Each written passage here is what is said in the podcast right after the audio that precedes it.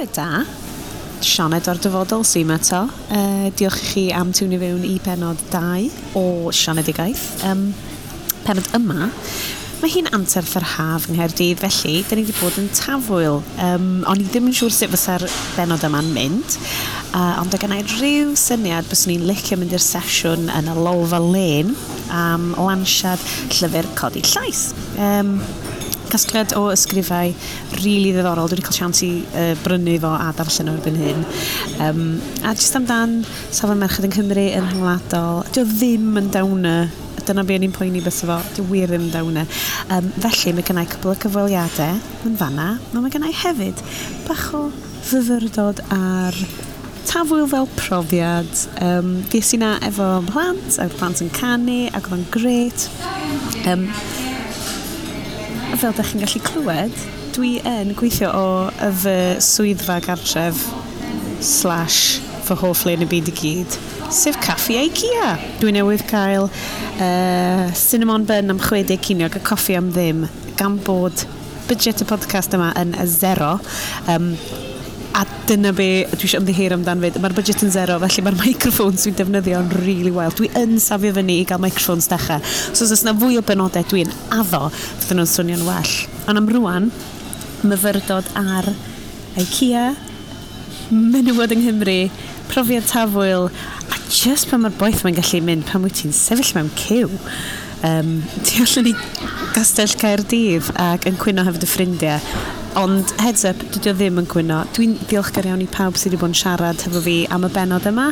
Um, Cwbl o ffrindiau yr ysgol, yr holl ferched fan y lounge, fyddai'n name check y pawb. Pan fyddai'n cofio? OK. Um, gobeithio fyddwch chi'n joio hi, wna i weld chi ar yr ochr draw. Ta-ra! Bob blwyddyn, efo tafwyl, fi'n teimlo a mae'n syniad rili really dda, gan i fynd, fydd o'n gret, fydd o'n dathliad o ddiwylliant Cymraeg yn y ddinas, mae'n gret! A wedyn ti'n cyrraedd a mae fel, oh god, effern tanllyd. Fi'n hoffi'r bachgen sy'n caru ffendau. Mae pobl yn dod o bob man it's not just the car. Yeah. So, da ni rwan fel 10 munud fewn i'r cew. Mae da'n symud, yn dydi a? Elfa! Elfa! Hei pawb, Sianed ar dyfodol sy'n eto. Um, er mwyn wneud y podcast ma gymaint mwy yn This American Life, dwi rwan yn defnyddio'r iPhone i gyfweld ffrindiau fi. So dyma Sianed un arall ar mame o'r ysgol ar ei phrofiad hi o thafwyl. Thafwyl? Tafwyl. Uh. Sorry. Sorry am... No, no! Um, mm. Okay, Shans, dwi'n mynd i interview oh, ti. Oh, oh no, is it? Yeah, yeah. Okay. Uh, Hei Shans, un o'r cyd mamau fi'n yr ysgol. Be di di deimlad y di amdan tafwyl? Uh, eitha cymysg i fod yn honest.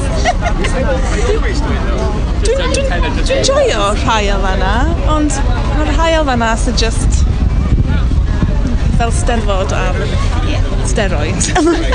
Achos bod y mor intens, mae'n wyl bach amazing a mae'r tîm sy'n trefnu fo yn anhygoel.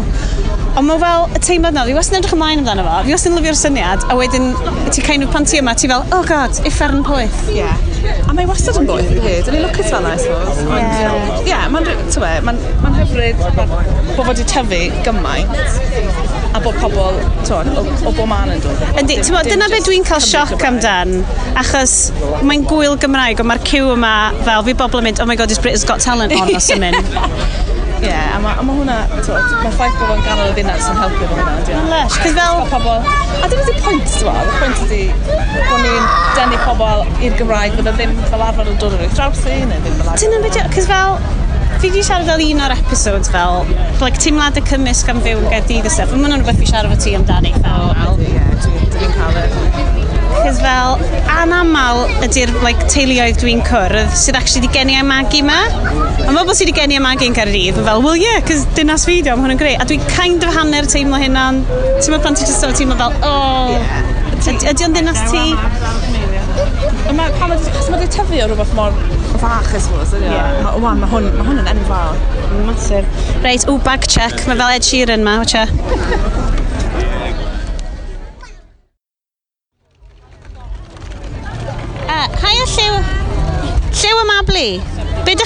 lot afoel? Neis, ond fi nes gweld mam Ela. O, oh, pwy ti'n gweld te?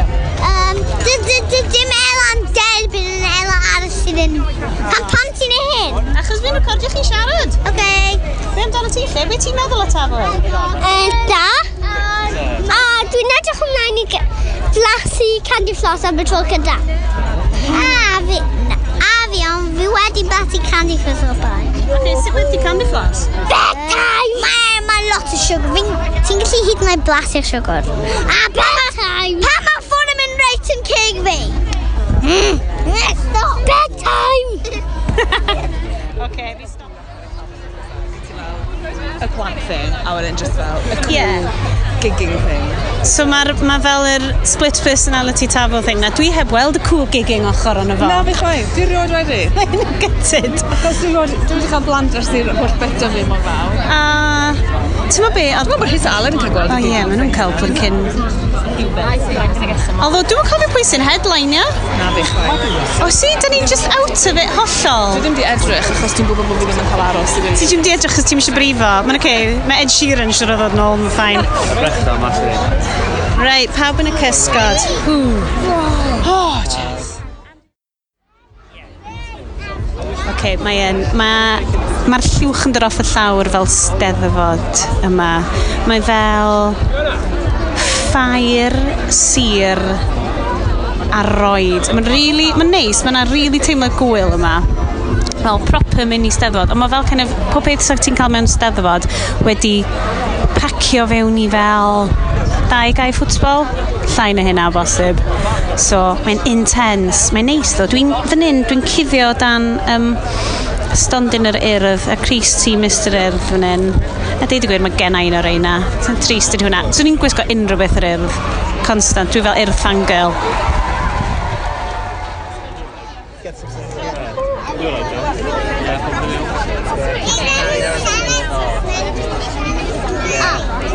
Mae'n nhw'n cael ei ble?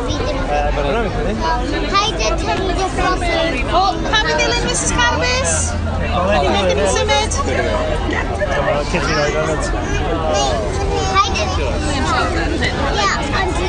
Ti'n edrych ymlaen i canu, Mabs? Yn dy fi'n canu Canu nawr, a ni'n canu mewn 10 munud. Ti'n mynd Mrs Carwys? Mae'n deg dilynol. Oce, pawb yn mynd. Mae'n deg dilynol.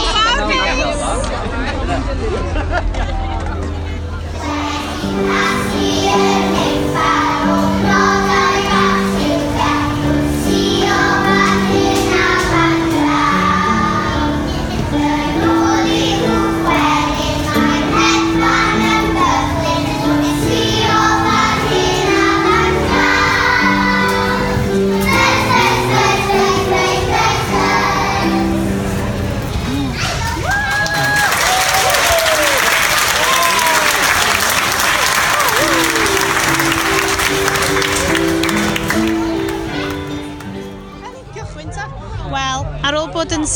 boeth iawn yn dod fewn. Ma, o, oh, mae'n boeth, o, oh, mae'n brysur yma. Ti'n ma be? Mae'n ffant ar ôl gwrando ar y plant yn gari, dwi wedi cael pwl o fod yn... Oh, emosh. Llew, sut oedd hi'n teimlo i canu ar y llwyfan fan'na? Uh, isa dda. So, be oedd yna, be oedd y fel? Be oedd ti'n teimlo? Yn teimlo'n tipyn bach am nerfus am y dechrau ac yn hapus am y diwedd. Fantastic. Um, be ti'n mynd i wneud rwan? Uh, cael candy floss for mam. Ti'n ma be dwi isio? Dwi isio tango ice blast, dwi'n credu. Dwi'n fel slush. Fi'n credu bod ti'n heiddi slush. Siwgr amdani y pen yma. Na, oedd hi'n gorgeous. Oce, okay, nhw'n i ffindio candy floss, a neu i ffindio y babell lle fydden nhw'n trafod um, llyfrau Cymraeg. Da ni'n mynd i fod... Uh, dwi eisiau mynd i weld nhw yn gwneud sesiwn codi llais yn llyfr newydd. Na, na i ni ffindio dad o lleici gyntaf, oce? Okay? Na i ni ffindio dad o lleici gyntaf. So mae fy syniciaeth wedi diflannu rwan. Dwi yn dwlu bod fan hyn yng nghanol môr o Gymreigdod, ynys fach, metaforegau yn cael eu cymysgu drwy'r amser. Mae'n lush, mae yna wyl yma, flower crowns yma, dim hetiau uh, Indiad Cochion sydd yn gret. Dwi yn gwneud yn ffordd draw i'r babell, uh, dwi eisiau galw hyn babell len, nid babell len, mae honni, um, ar gyfer trafodaeth amdan uh, llyfr newydd sy'n dod allan codi llais, llyfr am profiadau merched yng Nghymru, ffeministaidd, a dyma hi, y lol falen. Um, so, dwi'n gobeithio gallu recordio rhywfaint yn hwn, ond dwi'n ymddiheiro uh, unwaith eto fel pob beth ar yr uh, podleidydd amateur yma, ys da chi methu clywed unrhyw beth, ond dwi'n mynd rhoi tro arni, da ni rei wrth ymwyl y, y llwyfan uh, dwi eisiau deud acoustic, nid llwyfan acoustic mae hwnna, mae yna drums yna fan hyn. Um, ond, tiwniwch fewn mewn chydig i weld be glywon ni. Hi pawb, Sian y Dodrefodol sy'n ma to. Uh, just yn neidio fewn i esbonio pwy ydych chi'n mynd i fod yn clywed nesa. Uh, Mena Machreth sydd yn cadeirio'r sesiwn, uh, hi wedi golygu y llyfr. Uh, mae hefyd Mably Jones yn mynd i fod yn siarad, Rhiannon Marks, Casey Crawford a Mary McNeil. Uh, gobeithio nhw chi'n joio nhw. Fydd na gobeithio cyfweliad ar y diwedd os di o'n swnio'n iawn. Uh, ond i ddechrau fod, dyma hi Mena yn esbonio bach mwy am y gyfrol e. Uh, diolch yn fawr iawn i chi gyd am droi lan yn y tywydd poeth, poeth, poeth ma. Um, a da ni'n dathlu lansio Codi Llais, uh, sef gyfrol newydd uh, am bywydau merched yng Nghymru heddiw. Uh, so fi fel golygydd wedi bod yn um, gweithio hwn ers rhai misoedd a ni wedi cael 13 o ferched i gyfrannu i'r gyfrol a mae yna gymaint o amrywiaeth yn y llyfr o ran profiadau merched, o ran beth sydd ganddyn nhw i ddweud am sefyllfa merched yng Nghymru a chi hwnt heddi. E, felly mae'n gyffroes iawn cael cwmni'r rhai'r cyfranwyr gyda fi heddi. E, Cizzy Crawford, e, gyntores, hyfryd o Cenwog, a Mabry Jones, e, so mae Mabry yn byw yn Cyrdydd a ti ar y gweithio i Stonewall a nawr ti'n gweithio i Cymru. Felly, ie, yeah, diolch yn fawr iawn am ymuno gyda fi heddi. Felly, newn ni ddechrau gyda Mabli, achos Mabli yw'r ysgrif gyntaf sydd yn y gyfrol. Um, felly, Mabli, neud i ddarllen i fi, please. Diolch. Methiant y mudiad ffeministaidd yn ôl y damcaniaethydd bell hooks oedd y diffyg dealltwriaeth o'r amrywiaeth o brofiadau ymysg menywod. Trwy ganolbwyntio ar un math o fenyw ac un math o orthrwm, roedd ffeministiaeth brif ffrwd yn eithrio nifer fawr o fenywod ac yn methu adeiladu mudiad torfol. I'r menywod oedd hefyd wedi profi mathau eraill o orthrwm, er enghraifft gorthrwm ar sail ei hil, dosbarth cymdeithasol, cyfeiriadau ddrywiol neu anabledd, Nid oedd ffeministiaeth nad oedd yn cydnabod y gwahanol fathau o orthrym, orthrwm a sut roedden nhw'n croestorri yn berthnasol iddynt. Ysgrifennodd Hooks yn ei llyfr Feminist Theory from Margins to Centre mae o'r cyrion i'r canol y dylai ffeministiaeth weithredu. Hynny yw, dylid gosod y menywod sydd ar y cyrion, y rai sy'n dioddef fwyaf o dan systemau orthrym, yn canol ein gwaith. Dylem wella'r ddealltwriaeth o'r problemau rydyn ni'n ei wynebu trwy rando ar y menywod yma, a dylem cynnwys eirydded nhw yn amcanion ein ffeministiaeth. Yn lle gwella pethau i'r menywod ar y top, a gobeithio bydd enillion yn dyferu lawr at y menywod lleiaf breintiedig, dylid gweithio o'r gweilod i fyny.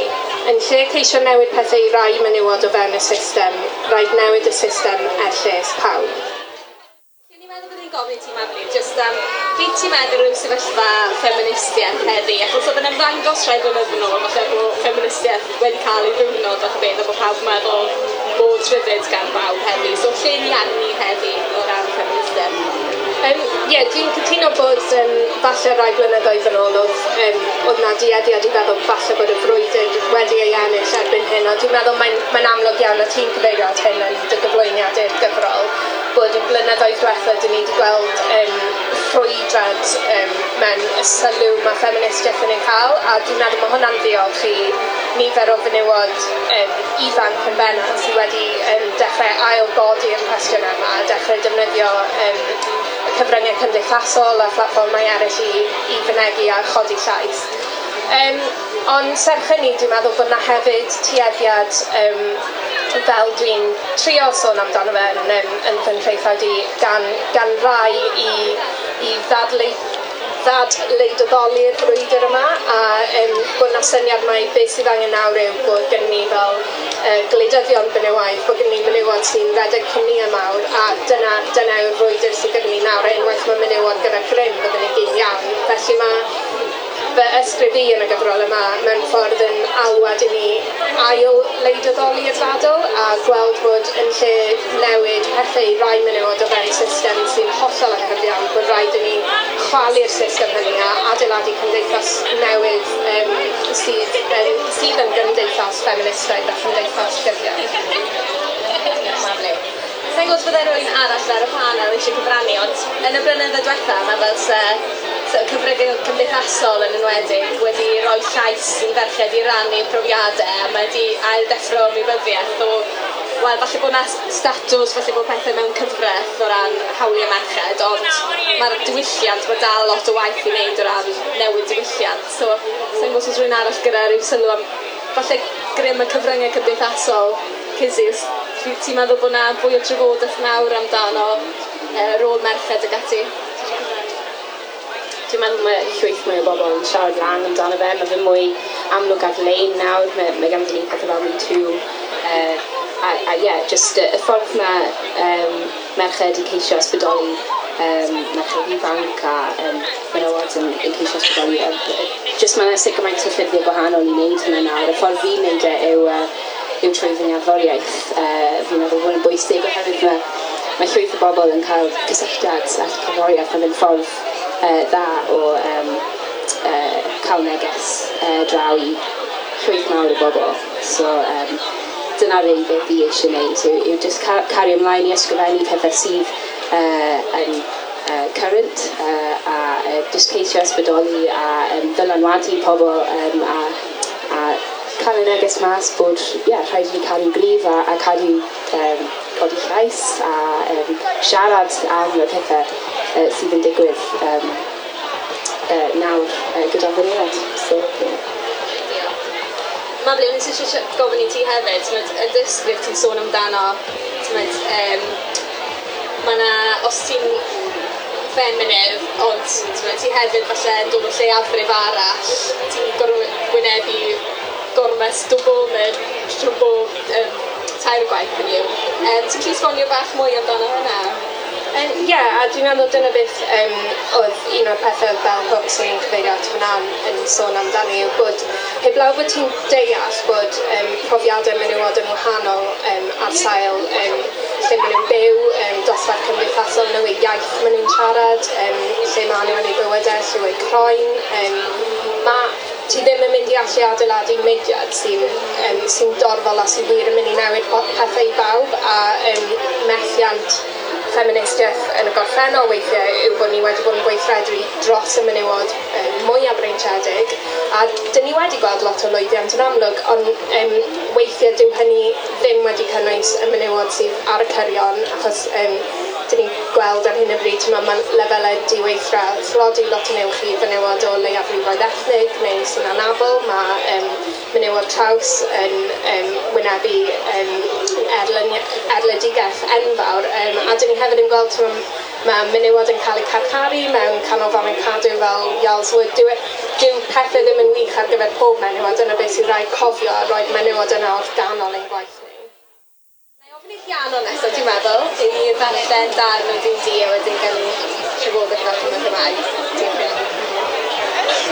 Diolch yn fawr, Nena. Um, felly'r hyn sy'n gen i mewn gwirionedd yw um, rhyw fath o um, ysgrif sy'n cyfarch uh, rhywun o'r genhedlaeth nesaf. Uh, digwydd bod wedi um, bod ar gyfnod mafoleth leni, felly oedd hynny falle yn chydig bach o ysbrydoliaeth. Felly dyna sy'n gen i yn, yn ceisio sôn wrth y genhedlaeth nesaf am rhai o ferched yn llenyddiaeth ni. Felly mae'n chydig o wybodaeth, a i ddim trwy'r cwbl nawr, e, ond na i orffen gyda'r hyn dwi'n gorffen ag e. Felly dwi'n gofyn fel hyn, felly fy merch, be'n neud i o hyn oll? Mae cymaint mwy i lenyddiaeth gan fenywod nag y gallaf ei wasgu i'r gofod bach hwn, ond gobeithio i mi roi blas i ti ar yr ymrywiaeth sydd yn aros amdano ti pan bydde di'n ddigon hen i'w ddarganfod dros dy hun. Bydd genhedlodd ti efallai na fydd rhywedd sef y modd y mae rhywun yn ei ddiffinio ei hun yn wrhyw neu'n fenyw yn ddim ond un agwedd o glid nifer ar hunaniaeth person. Wedi'r cyfan, cyd-berthynas e, gwahanol elfennau fel cenedligrwydd, ethnigrwydd, iaith, oedran, rhywioldeb a rhywedd sy'n cyfrannu at ein gwneud yr hyn yr ydym yn hytrach na'r labelu bachgen a merch yn unig.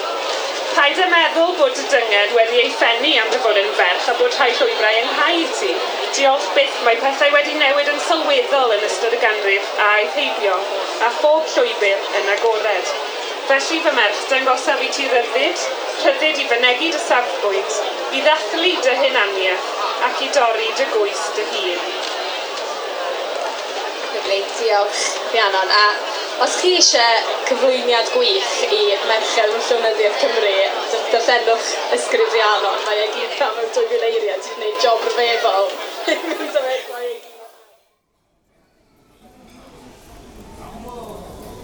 Haia, Sian, ydo'r dyfodol sy'n ma eto uh, yn eistedd fan hyn yn IKEA ar fy ail cwpan o goffi, so mae bethau'n mynd i fod bach yn manic. Um, dwi jyst yn neidio fewn o er mwyn esbonio um, mae'r microphones fi'n really wael. Um, mae trwy'n lle iPhone mic yn lot gwell. Na'r actual hand mic o gennau um, ond dim stwff technegol rwan um, da ni'n mynd mlaen rwan i cyffweliad Cizzy Crawford ar y llwyfan. Mae gen hi llwyth i ddeud. Felly neidiwch fewn darllen darn o hwnna, ond na i just holi ti cysi a really neidio o'r byd llenyddol i byd cerddorol. Beth yw eif fel i fod yn ferch ifanc yn sy'n roc Gymraeg a Saesneg yn Cymru hynny? Beth yw dy brofiad i? Um, Wel, fi wedi cael llwyth o gefnogaeth um, ffantastig o sy'n gymaint o bobl uh, ers fi dechrau mas. Wrth gwrs fi wedi redeg mewn i... Um, mewn Mae wedi bod cwbl o weithiau lle fi'n delio gyda fel, um, er, enghraifft, uh, weithio gyda dynion sain sydd yn falle um, disgwyl lot o hwnna i, achos mae gen i lot o kit. Um, dwi ddim i fod yn onest yn gwybod sut mae pob peth yn gweithio 100%, ond fi, mae gen i ffordd fi o gweithio o gwmpas e, e er mwyn creu sain uh, fi'n hoffi. So, uh, weithiau o'n i'n cael trafferth gyda dynion sain, um, ddim rydyn ni'n disgwyl lot uh, o'r blaen llawer gig, uh, a wedyn, um, yeah, ddim, ddim rydyn ni'n helpu fi setio lan um, yn wych a wedyn ar ôl uh, yn dod lan i fi a dweud tomorrow chi actually yn, uh, yn dda yn wedi helpu chi mwy but, so yeah, mae hwnna'n un enghraifft um, a wedyn uh, weithiau fi wedi cael pobl yn dweud wrtha i, um, okay, dyna ti uh, trio caru yn fwy fel hyn uh, er mwyn llwyddo hwn, uh, neu um, pryd ti'n cynhyrchu paid wneud hwn neu hwn. So, a, a, a rhan fwyaf o'r um, amser nhw'n dod o dynion. So, um, dwi ddim, a dwi sa'n meddwl bod yn rhywbeth um, maen nhw'n neud. Mae um, ma fe just yn subconscious, dwi'n meddwl weithiau. Um, a mae fe'n ffordd ni wedi dod pethe yn, yn gyfarwydd gyda o um, cyfathrebu gyda pobl, cysylltu gyda pobl. A yma fe jyst yn um, uh, cwestiwn o ceisio um, dysgu uh, y pobl ifanc yma, fenywod, y, nôl, uh, y merched ifanc a'r bech, bechgyn ifanc, um, sut um, sut i bod, really. Um, un peth um, nes i dysgu, uh, nes, nes helpu fi uh, sort of fel dysgu values um, a um, you know, just pethau e, y basic iawn oedd, oedd crefydd yn ysgol. Dydw i ddim yn person crefyddol iawn, uh, ond uh, falle fi'n cyfri fy hun fel person ysbrydol.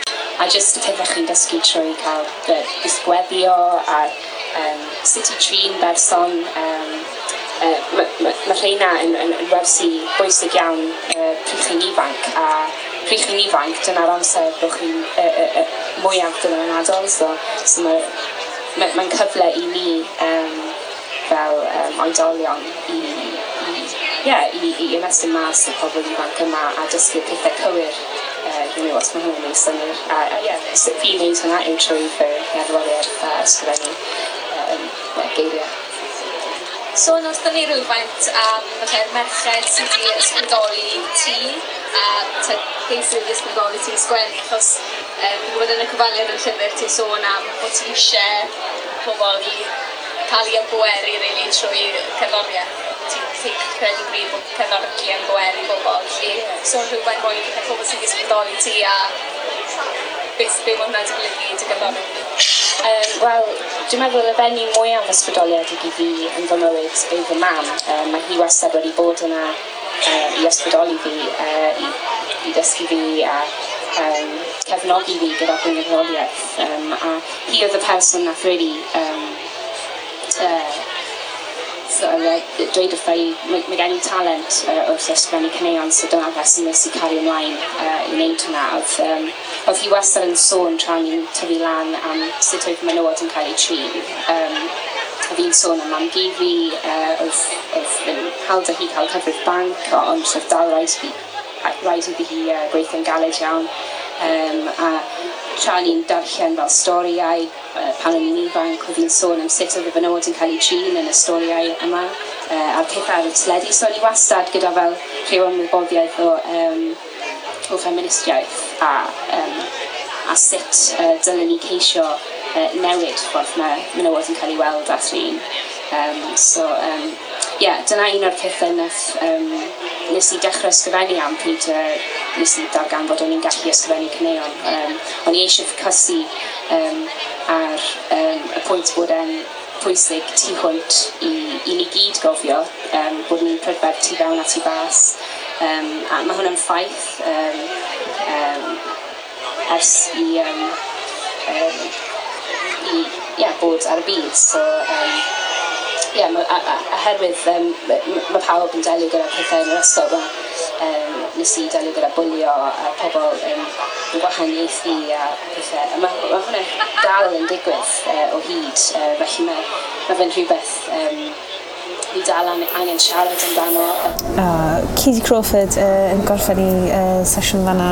Just, mae jyst yn hyfryd gwrando nhw nhw. Nes i trio bachu cyfweliad ar y diwedd hefo nhw, ond cyn hynna um, mae'r cadeirydd myna yn crynhoi sut allu dynion fod yn alais da, be allwn ni wneud uh, i barhau codi llais. Um, felly, gwrandwch yn i chi a wedyn fydda i'n trio cael gair efo rhai o'r panel gan i weld os di fy sgiliau cyfweld wedi gwella.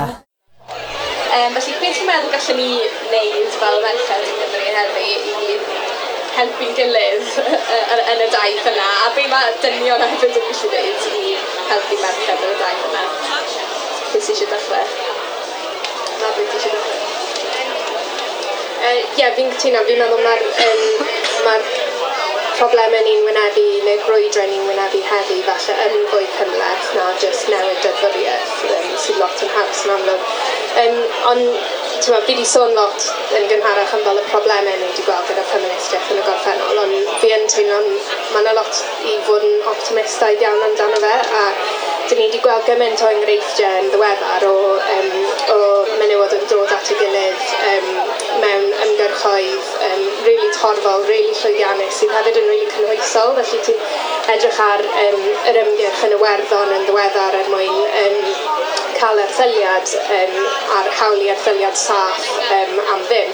Oedd hwnna'n um, hwnna'n fudiad fel rili llawdrad a oedd e'n cynnwys bob math o fenywod, bob math o fenywod oedd e'n sôn am fel profiadau menywod sy'n fudwyr, profiadau menywod, dosbarth gweithio menywod traws yn dynion traws a then oedd hwnna wedi llwyddo achos oedd e'n llwyddo yn dod ar holl fenywod yma at ei gilydd ac i weithio gyda'i gilydd a chefnogi ei gilydd fel o ti'n dweud a dwi'n meddwl um, ni, mae yna gymaint o hwnna allan fyna a mae angen i ni sort of um, fodel cymryd hynny ymlaen a gweld efo model o sut dylwn ni fod yn gweithredu achos dyna sut ti'n datrys y problemau mwy um, cymleth yna yw trwy um, gweithredu llawer gwlad a threfnu fel hynna.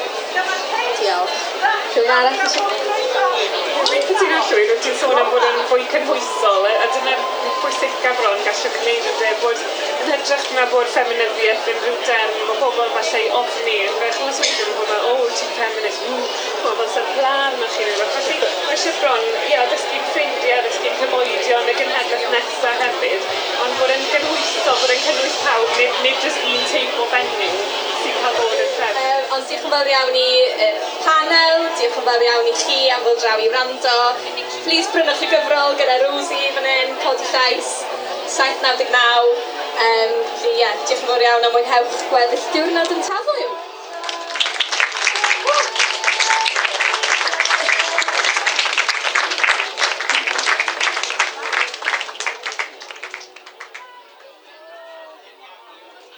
O, oh, am sesiwn cool oedd hwnna. Oce, okay. so dwi ddim yn teimlo mor depressed ag oeddwn i amdan sefyllfa merched yng Nghymru.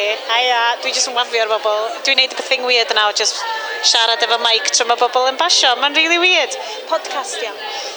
Just amateur pod. Hashtag bywyd podcast. Dwi'n mynd i trio cael gair efo'r rhai o'r merched oedd yn y sesiwn rwan. Um, pwy o wir os fydd unrhyw eisiau siarad â fi? Cys dwi yn edrych o weirdo, so gael weld rwan. Sioned dydw i. Fi di'r weirdo hefo microffon oedd yn hangio rownd fan hyn. Dwi'n trio cychwyn fel podcast am fel just profiadau fel merched a bobl dwi'n cwrdd ar rownd y lle. So dwi'n dros o'n i'n gallu siarad efo chi chydig amdan sesiwn chi heddiw a beth chi wedi bod yn neud a cyfraniad chi'r llyfr. Oh my god, yeah, sorry, dwi'n ffricio chi allan, dwi'n gwybod, dwi'n mor sorry.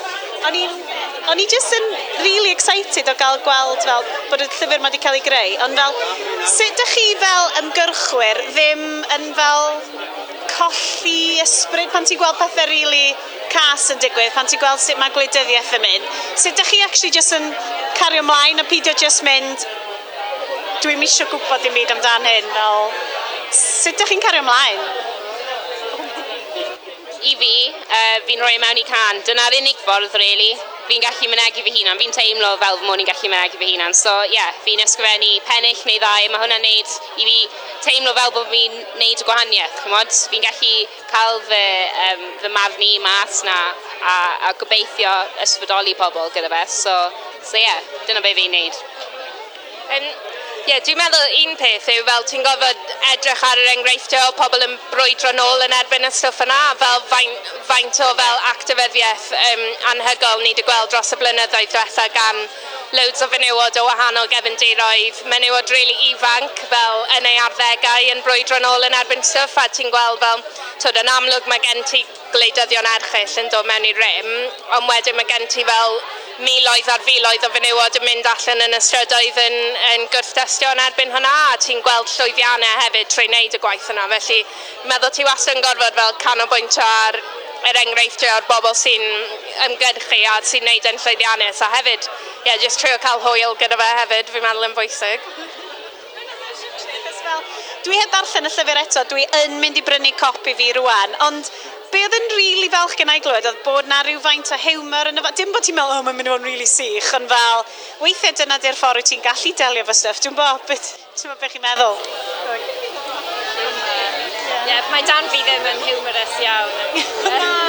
Oce, ie, mae hwnna'n rili... Achos fi ddim wedi darllen o, fi ddim yn... Yeah. Fi ddim yn siŵr lle mae hwnna'n dod o, ond oedd e y, yn, oedd y sesiwn jyst yn really lyflu fod yn just i eistedd gwrando yn hi. Well, Mae'n mae really hawdd i fod yn overwhelmed gyda sort of themau feministiaeth yn diwe. Dwi'n meddwl dwi'n un o'r bobl yna. Um, Mae'n really hawdd i'r switch off i negeseuon. So mae, yeah, mae defnyddio hiwmor a storiau pobl um, unigol yn, yn really pwerus a trwy dod â fe nôl i unigolion mae'n helpu ni ffeindio lle ni Um, a so i fi, dwi'n dwi, dwi well, dwi edrych yn ryngwladol, really. Um, mae, mae sefyllfa ni fan hyn, falle bod mae rei pethau reit anodd ynglyn â um, sefyll fyny am hawliau merched fan hyn, ond os ni'n edrych i rei o gwledydd mwyaf bregus y byd llefydd fel Brazil, um, lle mae um, yr amodau i merched jyst cymaint um, wel, allan ni ddim dychmygu, ond edrych ar y pobl, y fenywod yna sydd yn ymgyrchu mewn sefyllfeidd really peryglus um, ac a, yeah, cofio bod be ni'n gallu gwneud fan hyn yn um, sort of cyd-sefyll mewn solidarity yn dywe gyda, gyda pobl mewn mannau eraill. Cofio, cofio. Na, diolch yn fawr, diolch yn fawr o'ch amser chi. Mae'n really lush. Na i switcho hwn off rwan, so allai actually siarad yn normal hefo chi. Diolch. Okay. Mae tafwyl yn ei anter, newydd ddod allan o'r babell Lolfa Lane lle oedd sesiwn codi llais yn lush. Oedd o'n really nice, oedd o'n really wir yn refreshing ac yn codi calon. Twa, er oedd adran Rhiannon um, Max dwi'n credu yn eitha trist, achos mae adran hi amdan gwir gwyneb tlodi ydy gwyneb menyw.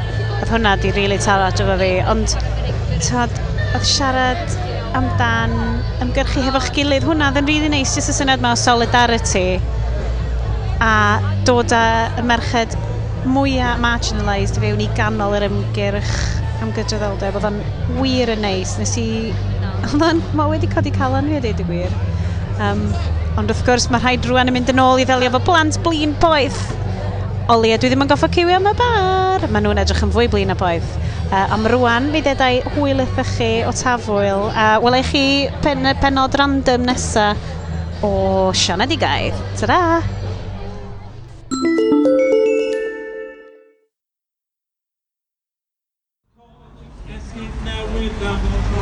Daiki Barker, Dwan Dan Clancy, Wendy Gongi, New Mouse, Giddy, Epic, Mom, bing bong bing, bing bong, a bing bong bing, bing bong, bing bong, bing bong bing.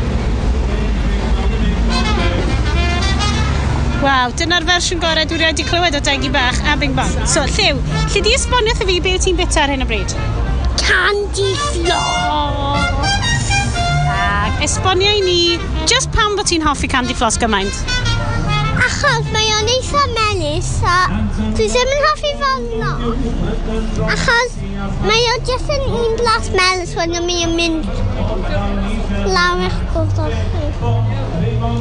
So beth ti'n meddwl o tafwyl te? Gret.